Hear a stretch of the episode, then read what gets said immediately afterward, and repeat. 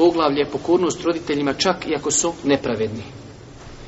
Hadis u ovom poglavlju, znači koji je citirao Imam Buharija, Ših Albani za njega kaže da je daif. Mi ćemo ga samo pročitati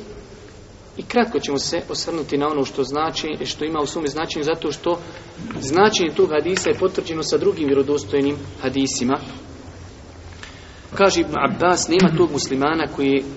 koji je bio poslušan svojim roditeljima radi Allahovog zadovoljstva, da mu Allah neće otvoriti oba dženecka vrata ili oboja ili samo jedna ako ima samo jednog roditelja a ako rasrdi jednog od njih Allah neće biti zadovoljan sve dok taj roditelj opet ne bude zadovoljan evo vidite ovo je znači hadis daif ali malo prije smo prošli jer smo imali hadis da kaže Allah posanik zadovoljstvo roditelja u zadovoljstvu gosp, zadovoljstvo gospodara i zadovoljstvo roditelja tako da znači ovo značenje hadisa imamo u drugom vjerodostojnom hadisu Pa čak kaže, čak i ako su nepravedni prema njemu, upita neko, čak i tada potvrdi Ibn Abbas. Imamo tako isto, znači, onaj, kak se zove,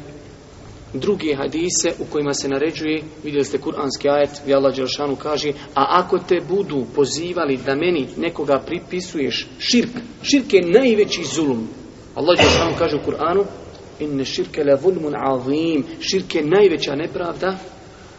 Allah Đeršanu kaže, te budu pozivali na najveću nepravdu, nemoj im se, nemoj im se u tome pokoriti, ali i dalje na dunjanuku o sahibhuma fit dunja ma'rufa.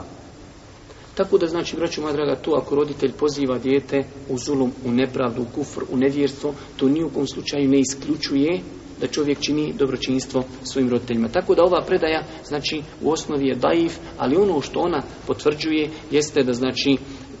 zadovoljstvo gospodara je u zadovoljstvu roditelja i da je obaveza se pokoriti roditeljima, makar i oni činili svome djetetu zulum, znači to su stvari prisutne u drugim onaj hadisima, kuranskim ajetima, tako da onaj, ako Bog da,